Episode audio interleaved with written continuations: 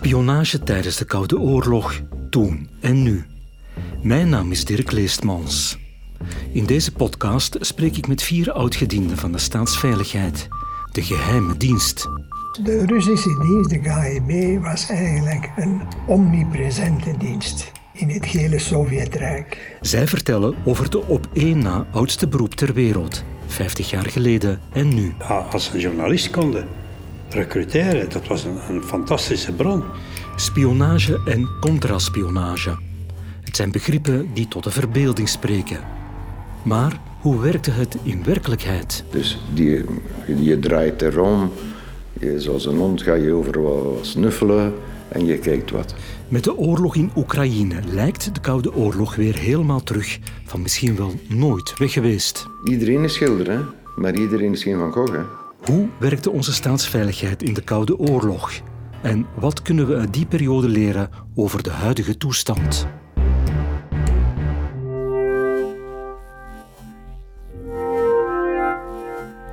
In de vorige aflevering vertelde Weile Eugène Michiels hoe hij als spion gerecruiteerd werd door de Roemeense en de Russische inlichtingendienst. Maar ook de Belgische staatsveiligheid trachtte natuurlijk mensen te recruteren. Hector werkte al een tijd lang bij de contraspionage toen hij die opdracht kreeg. En daarna ben ik overgestapt naar het uh, recruteren en manipuleren van agenten.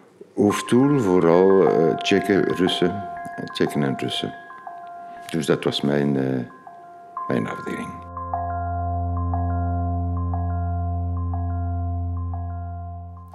De kwestie fascineert me om verschillende redenen. Niet in het minst ook omdat er een parallel is met mijn werk als journalist. Hoe benader je een bron? Hoe krijg je gedaan dat iemand je informatie wil geven? Kortom, hoe begin je daaraan? Als je eh, een onderzoek begint over iemand, moet je eerst kijken waar, waar, ga, ik, waar ga ik de inlichtingen aan. Hoe ga ik dat doen dat die meneer of die mevrouw dat niet te weten komt? Aan wie ga ik dat vragen? Dus ja, dat is sowieso al niet, niet gemakkelijk. En dat maakt dat de job van journalist ook interessant is voor spionnen en contraspionnen. Want het is precies de taak van een journalist om nieuwsgierig te zijn. Dat begrijpen inlichtingendiensten natuurlijk ook. Een van de grote objectieven was journalisten. Journalisten, omdat die dus met hun kaart overal toegang hadden. Dus dat die ook een grote informatiebereik hadden. Dus dat was voor hen, als een journalist konden recruteren. Dat was een, fantastische bron. En daar hebben we dus ook wel journalisten gewaarschuwd. Dus dat we zagen, dus pas op man, hè, hoe ver dat je gaat hè, daarmee. Al kwam die waarschuwing soms ook te laat. Straks daarover nog meer. Nieuwsgierigheid is een evidente eigenschap voor mensen die werken in de wereld van geheime diensten. Discretie is dat per definitie ook. En dan is er nog iets geduld. Als je een hele zaak bekijkt, dan kunnen er maanden, zo, zo niet jaren verlopen, vooraleer die zaak concreet wordt en interessant genoeg om tussen beiden te komen. Je hebt dus bijvoorbeeld de reizen, mensen die visa vragen, of veel visa's naar het doosblok, neem naar Praag. Buitenlandse zaken kan je dat leveren. Wat hebben de volgploegen vastgesteld? Wie ziet die speciale meneer? Wie ziet hij buiten? Wat doet hij om die buiten te zien? Gaat hij er rechtstreeks naartoe of uh, doet hij een, uh, een hoop omwegen en vertrekt hij s morgens om soms middags te zien? Uh, dat geeft je een hoop werk. Dan kijken tussen allemaal die namen die tevoorschijn komen, wie is daar interessant in? Want het is ook niet de bedoeling om iedereen gaan aan te spreken. Het moet ook iets opbrengen. En je moet ook zien dat je niemand in gevaar brengt. Maar wij begonnen met een tactiek, de concentrische cirkels. We hadden een objectief dat opgemerkt werd door de schaduwing. Ze zeggen, ja kijk, we hebben iemand gezien die in contact was met, en die zijn samengekomen, dat was die nummerplaat. Oh ja, dat is een, misschien een interessant contact. Is die mens interessant? Is die persoon interessant? Dan begon onze taak om die mens te benaderen. Dus benaderen we gingen er niet rechtstreeks op af. Wij hadden dus eerst heel ver om te kijken, is hij geïnteresseerd in welke sport? Club Brugge, zegt u. Wat zijn zijn gewoontes? Gaat hij regelmatig met zijn hond uitwandelen of niet? zo stilletjes aan kwamen we dus bij de, zijn omgeving, de, de, de familie. En dan begon dat stilletjes gevaarlijk, want dan zouden ze kunnen gaan babbelen. Dan moesten we al zeer voorzichtig zijn. Tot we zeker waren, kijk, voilà, nu kunnen we hem aanspreken. Dus dan is de vraag, hoe ga ik die benaderen? En als je die man kan tegenkomen toevallig, zeggen, of op straat, dan, dan, zie je toch uh, zijn reactie. En op dat ogenblik heb je ongeveer 20 seconden. Jij. Om te praten en om die man, dat die wel naar je blijft luisteren. Waar dat je, dus dat die niet wegrent, of die mevrouw.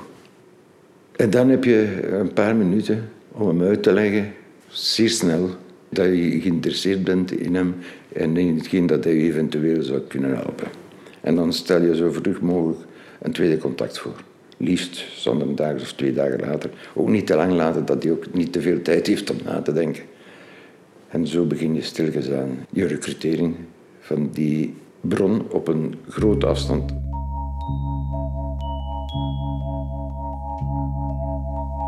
Er zijn er dus die wij aangesproken hebben. Waarom legt jij 20 frank, toen hè, 20 frank elke zondag in de schaal tijdens de oogmis? Die dame die aangesproken werd, die was zo perplex. Die was aan de grond genageld. Want eerst hadden we die aangesproken, dat was een, een zeer interessant persoon om informatie te hebben over hoe het ging binnen in de ambassade van de DDR. Want zij werkte daar. Maar zij moest rekening houden dat zij haar plaats zou kunnen verliezen. En dus dat wisten wij op voorhand. Maar als wij dat tegen haar zegden, dus we hebben ze aangesproken onmiddellijk op straat. Dus dat was de koude approach dat we zegden. Dus de verrassing. En dan nadien zegt ze, ja, hm, het is moeilijk. Maar kunt je me een keer uitleggen, mevrouw, waarom dat jij elke zondag 20 franken in die schaal legt? Zegt ze, meneer, als je dat weet, weet je alles over mij. Dus dat was de doorbraak.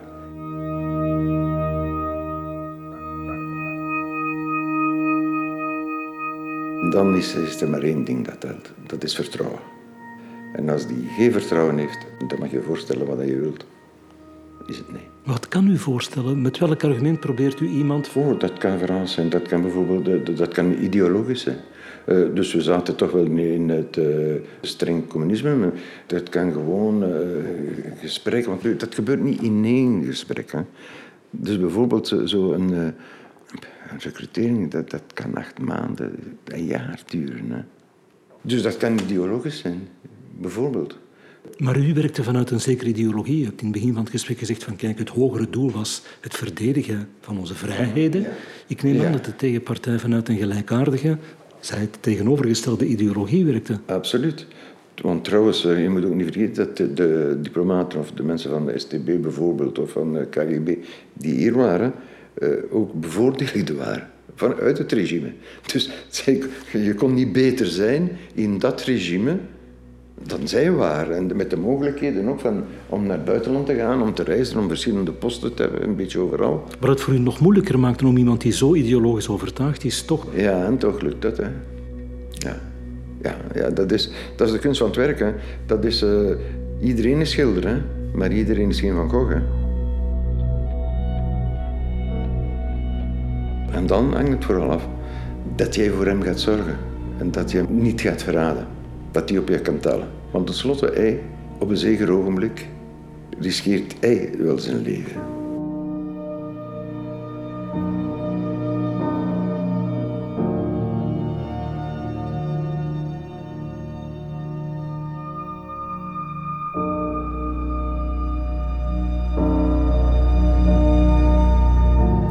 Buitenlandse diplomaten verbleven in principe vier jaar in ons land.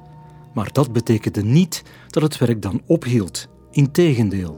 Het is onze bedoeling uiteraard altijd dat als die man teruggaat, dat die van Gins voor je zou blijven werken met alle moeilijkheden van dien. Maar het kon ook zijn dat die zegt, kijk, eh, ik wil hier blijven. Ik wil hier in het Westen blijven. Hetgeen dat men eh, noemt springen. Eh, dan was het ook je taak om te zorgen dat die man zijn familie of kon naar hier halen of als zijn familie hier was, dat je alles kon in het werk stellen om die op te vangen, om die eventueel ook, uh, financieel, uh, dus materieel, en dat die man eventueel een, een andere identiteit kan krijgen, god weet waar, in, in de wereld. En dat was dan ook een van je taken daarna.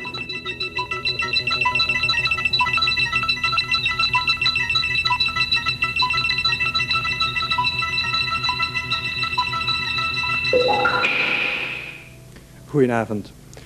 De delegatie van de Europese gemeenschap... Het begin van het journaal, medio jaren 80.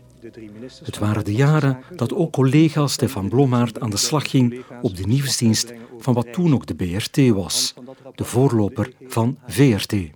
Wel, ik ben in 1984 uh, op de BRT begonnen en eigenlijk van bij het begin was ik heel erg geïnteresseerd in, in Oost-Europa. En heb ik dat ook aan mijn bazen gezegd, van ik wil dat wel doen. Aanvankelijk kwam daar weinig reactie op, want uh, Oost-Europa was helemaal afgesloten. kwam journalistiek ook heel weinig door. Maar ja, toen Gorbachev dan aan de macht kwam, is alles in een stroomversnelling gekomen. En uh, ben ik meer en meer mee kunnen gaan echt bezighouden met wat mij interesseerde. Я бы не хотел, чтобы из ответа президента Буша складывалось такое мнение. de twee presidenten gaven een indruk van grote eensgezindheid. Toch zijn er geen echt harde, concrete resultaten. Meer en meer kon ik mij met de toenmalige Sovjet-Unie en Centraal- en Oost-Europa gaan bezighouden. En daardoor natuurlijk kwam ik ook in aanraking met uh, ja, al die ambassades. Enfin, ik heb, het eerste wat ik gedaan heb toen ik officieel de toestemming kreeg van mijn hoofdredacteur om mij daaraan te wijden, dat was al die ambassades aanschrijven en zeggen van kijk, ik ben jonge nieuwe journalist en uh, ik wil wel contact met u. En er zijn er maar een aantal, van, van, en dat ging van Albanië over Tsjechoslowakije toen tot de Sovjet-Unie, een aantal uh, hebben er maar mij gecontacteerd, onder meer die van de Sovjet-Unie, uh, de DDR, de, de Oost-Duitsland, en nog enkele andere. en daar ben ik dan contact mee beginnen onderhouden. En hun gewoonte was om dan de journalisten uit te nodigen op restaurant. En uh, ja, daar te beginnen praten. Wat, wat uh, ben je van plan? En ben je daar al geweest? Of, ah ja, je weet, die, die, die eerste gesprekken, dat gaat dan over koetjes en kalfjes, om een beetje kennis te maken. En dan, uh, ja, als journalist begin je natuurlijk al snel heel concrete vragen te stellen. Van, ja, ik ben wel geïnteresseerd om naar bijvoorbeeld Moskou te gaan, of naar Oost-Duitsland of Tsjechoslowakije. Uh, en kan u daar mij op een of andere manier bij helpen bij het leggen van contacten? Uh... Following your initial meeting with General Secretary Gorbachev, Mr. President, you and Mrs. Reagan will proceed the short distance to Spaso House. Ambassador and Mrs. Matlock's U luistert naar een briefing van de Amerikaanse inlichtingendienst CIA, gemaakt in 1988 naar aanleiding van de topontmoeting tussen toenmalig president Reagan en zijn Russische collega Gorbachev. You and Mr. Gorbachev are scheduled for a second meeting in St. Catherine's Hall. Trouwens, mijn eerste buitenlandse reis, de eerste keer naar Moskou ging in 1988 tijdens de top Reagan-Gorbachev. Een van de belangrijke toppen in de, in de dooi toen, ontwapening ook. Om het dan te hebben over de perestroika, over de hervormingen van Gorbachev. En ik, ik, ging daar om een hele reeks te maken over verschillende aspecten van die hervormingen, van die glasnost perestroika. For the first time in history, the language of arms control was replaced by arms reduction. Mr. General Secretary, though my pronunciation may give you difficulty, dovayai no provayai. Trust but verify. Stefan Blommaar specialiseerde zich hoe langer hoe meer en de contact met de ambassade hoorde daarbij. Die contacten vonden vaak plaats in restaurants en verliepen in een erg gemoedelijke sfeer. Hij stelde zich daar geen vragen bij. Dat was een normaal professioneel contact, ja, absoluut. Uh, hetgeen mij wel opviel was dat uh, zij heel snel overgingen tot ja, zo heel persoonlijke dingen. Ah, je familie en, en, en waar, waar ga je buiten het werk mee bezig en zo. Maar voor mij was dat zoiets van, ja, dat is de Oost-Europese gewoonte. Hè. Eh, ook, ook vanaf de, bijna de eerste ontmoeting was het uh, jij en jou. Hè. En dat dat contact op restaurant plaatsvond? Nee, dat vond ik eigenlijk had ik daar geen achterdocht bij. Nu, met alles wat ik weet natuurlijk wel. Hè. Uh, maar, maar nee, dat, dat was een gewoonte, want ik had dus ook met die Oost-Duitse vertegenwoordiger had ik, uh, contact. En dat was ook vanaf de eerste keer, ja, we gaan op, op restaurant. Ja, dat duurde een uurtje en, en uh, op het einde werden er uh, soms geschenken uitgewisseld. Enfin, uitgewisseld. Aanvankelijk kreeg ik constant geschenken. Dat was dan meestal een fles vodka hè, van de, van de Sovjet-ambassade. Heb je dan op een bepaald moment toch het gevoel gekregen van... Hmm, we willen hier blijkbaar een stap verder gaan? Nee. Nee, tijdens die ontmoetingen op restaurant helemaal niet. Het is pas achteraf dat ik hun systeem ben gaan begrijpen omdat het mij ook uitgelegd is door de staatsveiligheid dan, toen ik zelf bij de staatsveiligheid ontboden werd om uh, niet mij te verantwoorden, maar om uitleg te geven bij, bij de contacten die ik had gehad.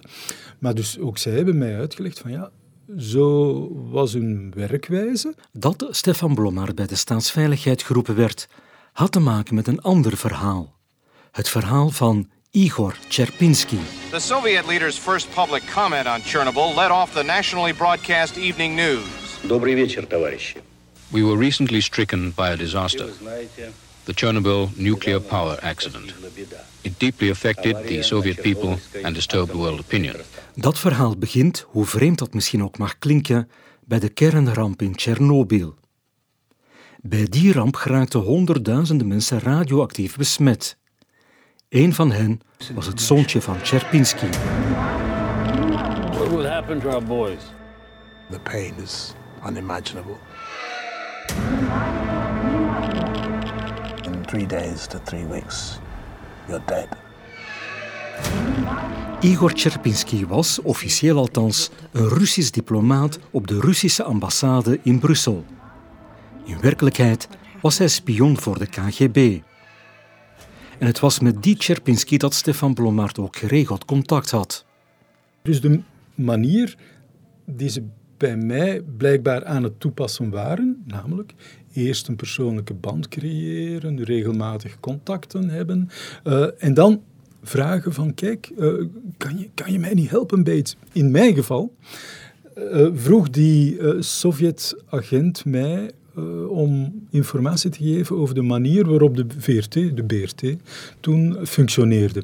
Uh, wat is de structuur van de, van de BRT? Eh, welke afdelingen hebben jullie? Want wij, zegt hij, in Moskou hebben ook staatstelevisie, wij willen die ook hervormen. En wij kunnen misschien van jullie leren. Ik zei van ja, natuurlijk. Er bestaat zelfs een brochure in het Engels die gegeven wordt aan, aan alle bezoekers. En daarin staat de hele structuur van de VRT uitgelegd. Het was absoluut geen confidentiële informatie. Absoluut niet, absoluut niet. Ik had hem beloofd om bij een volgende ontmoeting hem dat te geven. Maar die volgende ontmoeting is er nooit gekomen. Daar was ook een goede reden voor. Igor Cherpinsky, zo bleek achteraf, was overgelopen naar het westen. Want uh, toen ik dan opnieuw contact met hem nam, enkele maanden later, via een telefoontje naar de ambassade, uh, zegde men mij van ja, uh, hij is er niet en, en we zullen nu wel contacteren als we, als we nieuws hebben. En weer later vernam ik dan dat hij, die agent met wie ik contact had, dat hij overgelopen was. Dat hij zich had gemeld bij de Amerikaanse ambassade. En gezegd van ja, bon, ik uh, wil alles vertellen.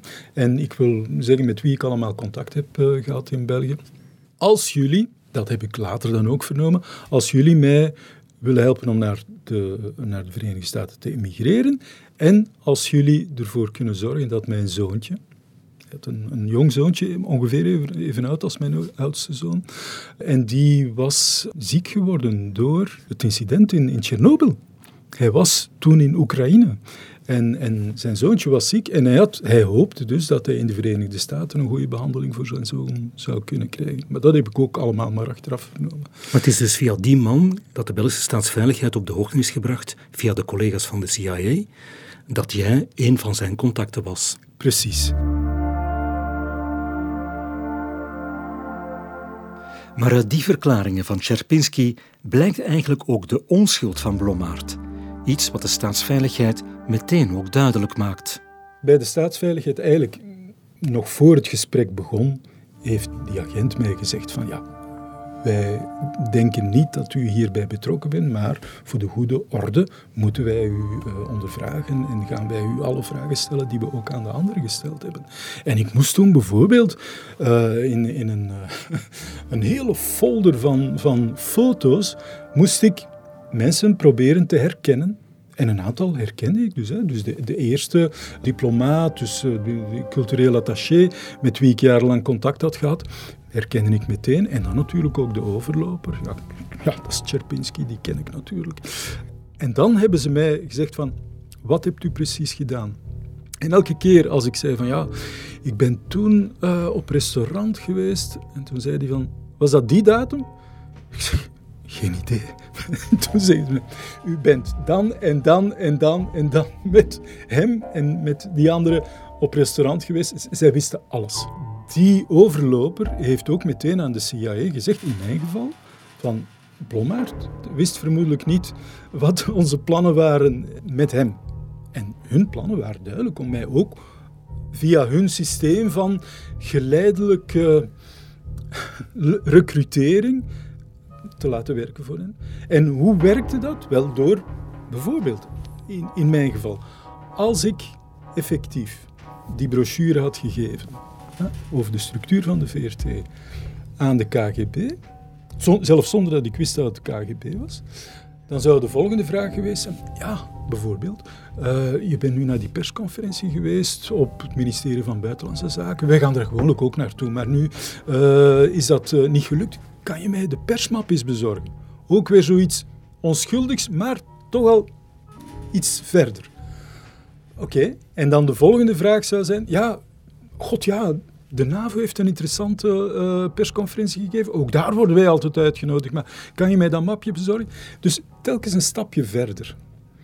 Totdat ze jou iets laten doen wat in de grijze zone ligt en half illegaal is. En dan hebben ze je natuurlijk. Hè? Dan zeggen ze van, ofwel ga je nu verder met ons, ofwel zorgen we ervoor dat dit lekt bij de Belgische gerechtelijke diensten. En schrok je er zelf van dat je achteraf weliswaar te weten kwam dat je een contact in wording was? Uh, ja, natuurlijk schrok ik daarvan. Je bent specialist Oost-Europa. Je zou kunnen redeneren, ja, je kent de trucken van die inlichtingendiensten ook. Waarschijnlijk was ik toen nog veel te naïef. Uh, ik had absoluut niks door.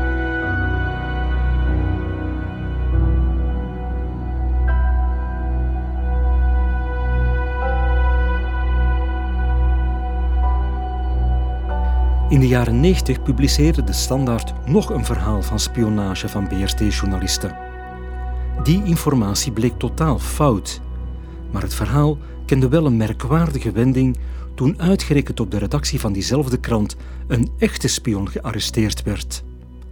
Al blijft de toenmalige hoofdredacteur in het begin nog erg voorzichtig. U weet als een journalist bronnen en zijn contacten krijgt wel documenten. Uh, ik denk dat iedere journalist documenten heeft om, om te weten waar het om gaat. Uh, of dat al dan niet spionage is, dat weet ik niet. Uh, daar heb ik geen enkele aanduiding over. ik ben daarin zeer voorzichtig. in het verleden zijn er nog wel eens acties van de staatsveiligheid en de BOB geweest die met veel tamtam werden aangekondigd, maar die nadien als een pudding in elkaar zijn gestuikt. Maar deze keer bleek het verhaal wel degelijk te kloppen. Dat gaf de betrokkenen, Guido Kind, later ook toe al zag hij na al die jaren nog steeds niet in dat hij fout was. Waar hebben we dat nog gehoord? Ik kan niet zeggen dat ik spijt heb. Ik heb uh, niks gedaan dat uh, iemand zou kwetsen of, uh, of kwaad berokkenen. Ik heb alleen maar gedaan hetgeen dat ik dacht van interessant te zijn en, en goed te doen. En voor, de rest, voor de rest trek ik me daar eigenlijk zeer weinig van aan. Zou je het opnieuw doen? Waarschijnlijk wel. Guido Kind is geen onbekende voor Hector, de contraspion van de staatsveiligheid. Dat was een van onze operaties eigenlijk. Het was niet enkel Guido Kind, en er waren er zes, zeven andere personen mee gemoeid. Hè. Ja, dus meneer Kind uh, werkte inderdaad uh, voor de, de KGB. Ja. Met alle mogelijke materiaal die je kan voorstellen. Wat dat die, bijvoorbeeld meneer Kind niet wist, dat de man die hem manipuleerde was een overloper en die ons alles dus op voorhand gegeven had, ook het materiaal dat hij had, al wat je wilt. En uh, Onze, onze bedoeling was niet van hem in het ondervragen van te zeggen: kijk, wij weten dit, wij weten dat. En eh, die meneer heeft dat twee dagen of drie dagen ontkend en eigenlijk zei: maar nee, jullie zijn missen tot. We hebben nooit aangedrongen, want je wist het op voorhand. Je wist wat, hoe, hoeveel, wanneer, waar. Maar hij moest het zeggen. Zo gaat hij op een PV van de Rijkswacht, moest hij het bekennen. Moesten wij niet zeggen, jij hebt dat en wij weten dat. Hij moest het zeggen. En na, na twee dagen en al heeft hij dan toch ingezien dat, dat het geen zin had, dat het zinloos was. En dan heeft hij toch wel ook alles verteld. Ja. Maar hij hoefde in feite niks te vertellen, want wel aan alles.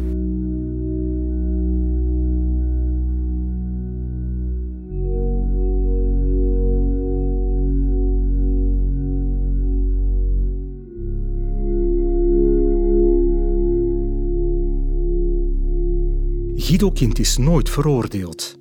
Het dossier kwam, zoals zoveel spionagedossiers, nooit tot voor de rechtbank. En dat heeft volgens Leo ook te maken met de beperkte belangstelling voor het fenomeen, ook politiek. Na twee, twee, twee maanden was dat, dat gepasseerd. Dat was vergeten. Dat was vergeten. En dat was zo uh, met de man in de straat, maar ook met politieke verantwoordelijken enzovoort. Hè. Ja zoveel mogelijk niet roeren in dat potje. Niet roeren in dat potje. Ik denk hier aan de journalist van de Standaard, Guido Kind. ja. Niet roeren in dat potje, wat bedoelt u daarmee? Wel, van dat niet uh, op te blazen en uh, er geen proces laten op te volgen. Want dat is dus allemaal geclasseerd, hè, zonder gevolg. Hè. Alles, hè. Terwijl je daar strikt genomen volgens het wetboek zware feiten had. Hè. Bijvoorbeeld die kind en ook veel in, in zijn zakken gestoken. Hè. Ja. En welk mechanisme zit daar dan achter? Wie heeft daar belang bij om dit verder ongemoeid te laten? Ja, dat vraag ik mij af. Dat vraag ik mij af. Natuurlijk, als het te flagrant is, dan trekken ze, houden ze hun handen af en laten ze maar begaan. Hè. Laten ze het gerecht zijn werk doen enzovoort. Hè. Maar als het enigszins mogelijk is van dat van de tafel te vegen, dan gebeurde dat. Hè. Wat dan ook frustrerend was voor, uh, voor de mensen, hè, voor onze mensen. Hè. Het is meer dan dat. Veel zaken kwamen zelfs niet eens op de radar van de staatsveiligheid. Ten slotte gebeurden er zoveel meer dingen waar we zelfs geen idee van hadden, achter onze rug. En daar waren we wel bewust van. Op een bepaald moment, op een bepaald tijdstip, we hebben een overloper gehad die uh, op de, uh, op de KGB-desk uh, werkte voor Benelux. En die ons een, toch een, de lijst van de mensen, de agenten die zij hier in België hadden. En van die lijst hadden wij 76 procent. Kenden we of waren het ook agenten van ons in die periode. Maar dat neemt niet weg dat er toch 24 procent waren die we niet kennen. Gerecruiteerd worden als spion. Bij Stefan Blommaert is het dus niet gelukt. Bij tal van anderen lukte het wel. Ook al omdat de betrokkenen niet zo heel veel keuze had. In een aantal gevallen werd hij namelijk ook gechanteerd. Indien zij de gelegenheid hebben om te chanteren, zullen zij dat doen. De Oost-Duitse inlichtingendienst, de Stasi, was hierin gespecialiseerd. In Leipzig, in het toenmalige Oost-Duitsland, werden geregeld grote beurzen gehouden in de Leipziger Messe. Westerlingen werden er in verleiding gebracht, letterlijk. Leipziger Messe was het, alleen moet ik zeggen, het, de plaats waar de Oost-Duitsers zich mee bezig hielden om mensen te kunnen recruteren. Surtout zakenmensen. En bracht men hen in contact met standhilfen. En die standhilfen, dat waren dus eh, meisjes, die voor 90% zeker hè, door het MFS opgeleid waren. Dus het ministerie voor Staatssicherheid. Dus die mensen moesten detecteren of dat die persoon interessant was of niet. Hè, voor hun, omdat ze verder zouden kunnen gaan. Als ze verder wilden gaan, brachten ze die personen in een compromitterende toestand. Dus dat zij nadien zouden kunnen zeggen, kijk, jij gaat voor ons werken of wij maken iets, uh, wij publiceren het. Chanteren dat is misschien wel een, een woord, hè? chanteren. Vulgair, hè, chanteren. Het is misschien een incentive, laat het zo zeggen. Dat lijkt me dan weer een eufemisme. Misschien, ja. ja. Maar chanteren, dat is toch wel anders. Dat is, dat is wel grof. Als je dreigt met iets publiek te maken wat een man of vrouw liever niet publiek wil gemaakt zien? Oh, publiek maken, dat, dat, dat wordt niet gedaan. Ik, ik heb je nog gezegd, uh, het, uh, de spreuk waaronder dat we leefden, dat was... Uh, nachtrichtendienst is een herrendienst. En het blijft een herendienst. Het zijn twee gentlemen tegenover elkaar. Die kat en muis spelen. Ik spreek van mijn tijd. Ik weet niet hoe dat nu gaat, uiteraard. Maar, uh... Uw collega's vertelden bijvoorbeeld over Leipzig... Ja, dat daar bijvoorbeeld ook wel vrouwen werden ingezet om mensen letterlijk te verleiden. Tuurlijk. Tuurlijk. Ja, het gebeurt langs weerskanten, hè. langs beide zijden. Hè. Is dat zo natuurlijk? Ja, zo natuurlijk. Dat is, dat is het menselijke, hè. Dat is menselijk. Ja, zoals wij met, met, met, met vrouwen werkten, zij ook, hè. En weet je, een vrouw dat uh, agent voor je is, is beter dan tien mannen. Komt dan veel makkelijker, veel sneller, aan veel meer uh, inlichtingen dan als een man dat moet doen. Maar hoe ver kan je daarin gaan dan? Je kan net zo ver gaan als die mevrouw die voor je werkt dat wil. Niet meer of niet minder. Je kan niemand niet, niet dwingen om een affaire te hebben weten, of niet meer naar bed te gaan als die mevrouw dat wil. Intentioneel met de bedoeling van informatie te krijgen? Ja. Waarom niet?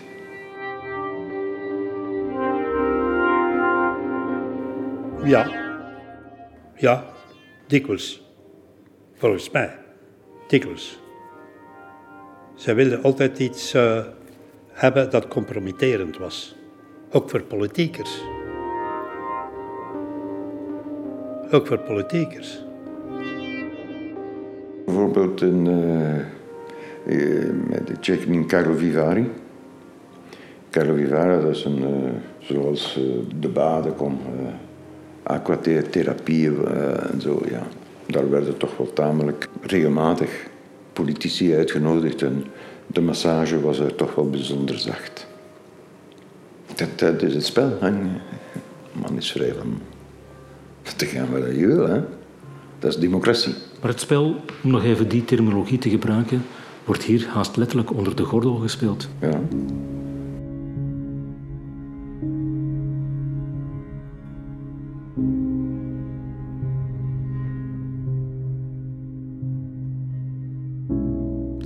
U kon de voorbije afleveringen luisteren naar verhalen uit de jaren 70 en 80 van de vorige eeuw. Mr. Gorbachev, tear down this wall. Met de val van de muur in Berlijn en het uiteenvallen van de Sovjet-Unie leek een einde gekomen te zijn aan de Koude Oorlog. Helaas, niets is minder waar. Het spijtige is, denk ik, dat uh, na de, de val van de muur de meeste Europese inlichtingendiensten in, in contraspionageafdelingen toch uh, ruw afgebouwd hebben. En dat men nu toch uh, terug op aan het bouwen is.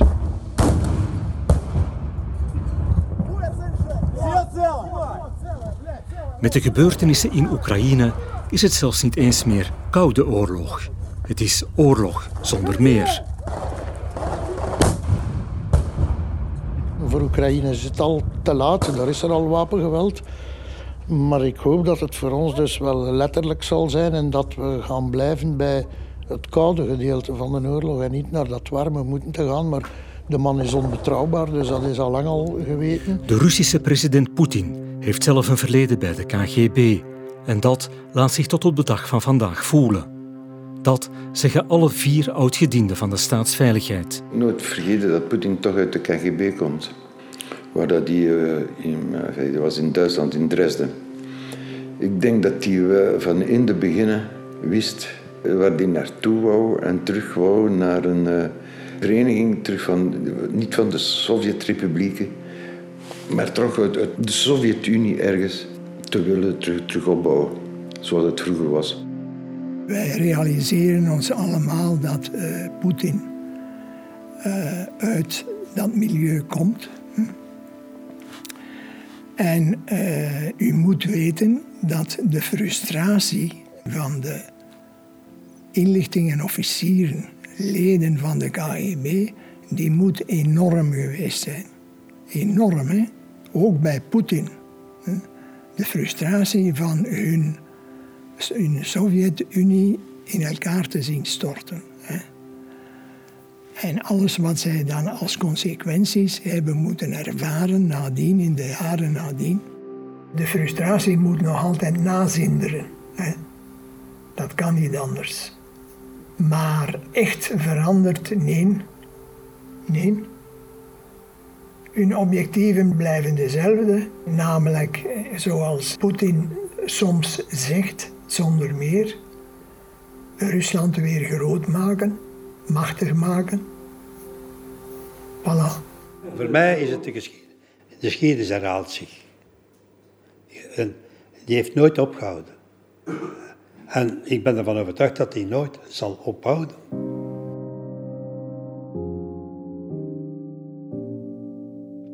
Dat laatste klinkt niet echt optimistisch. En dat is ook het toekomstbeeld van alle gesprekspartners. Eigenlijk niet zo positief. Niet zo positief.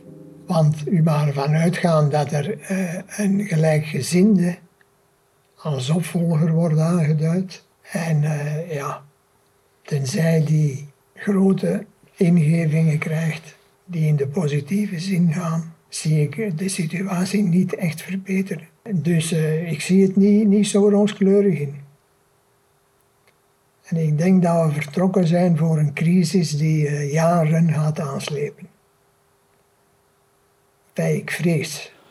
Vandaag de dag is dat inlichtingenwerk even belangrijk of nog belangrijker dan in de periode van de Koude Oorlog, uh, zoveel jaren en decennia geleden. Waarom? Ik heb een, een zeer goede vriend, een gewezen luchtmachtpiloot. En als we zo gesprekken hebben, zegt hij altijd: Don't forget, intelligence is our first line of defense. En hij heeft gelijk. Het zal altijd hetzelfde blijven, omdat de mensen blijven dezelfde. De motivaties van de mensen gaan dezelfde blijven. Of dat dat nu geld is, of dat dat nu ideologisch is. Het is de mens. En de mens die is niet veranderd. Dus de mogelijkheden zijn groter geworden door techniek, maar de mens is niet veranderd. En, uh, dat was zo al in de tijd van Caesar en dat zal zo zijn binnen, binnen duizend jaar ook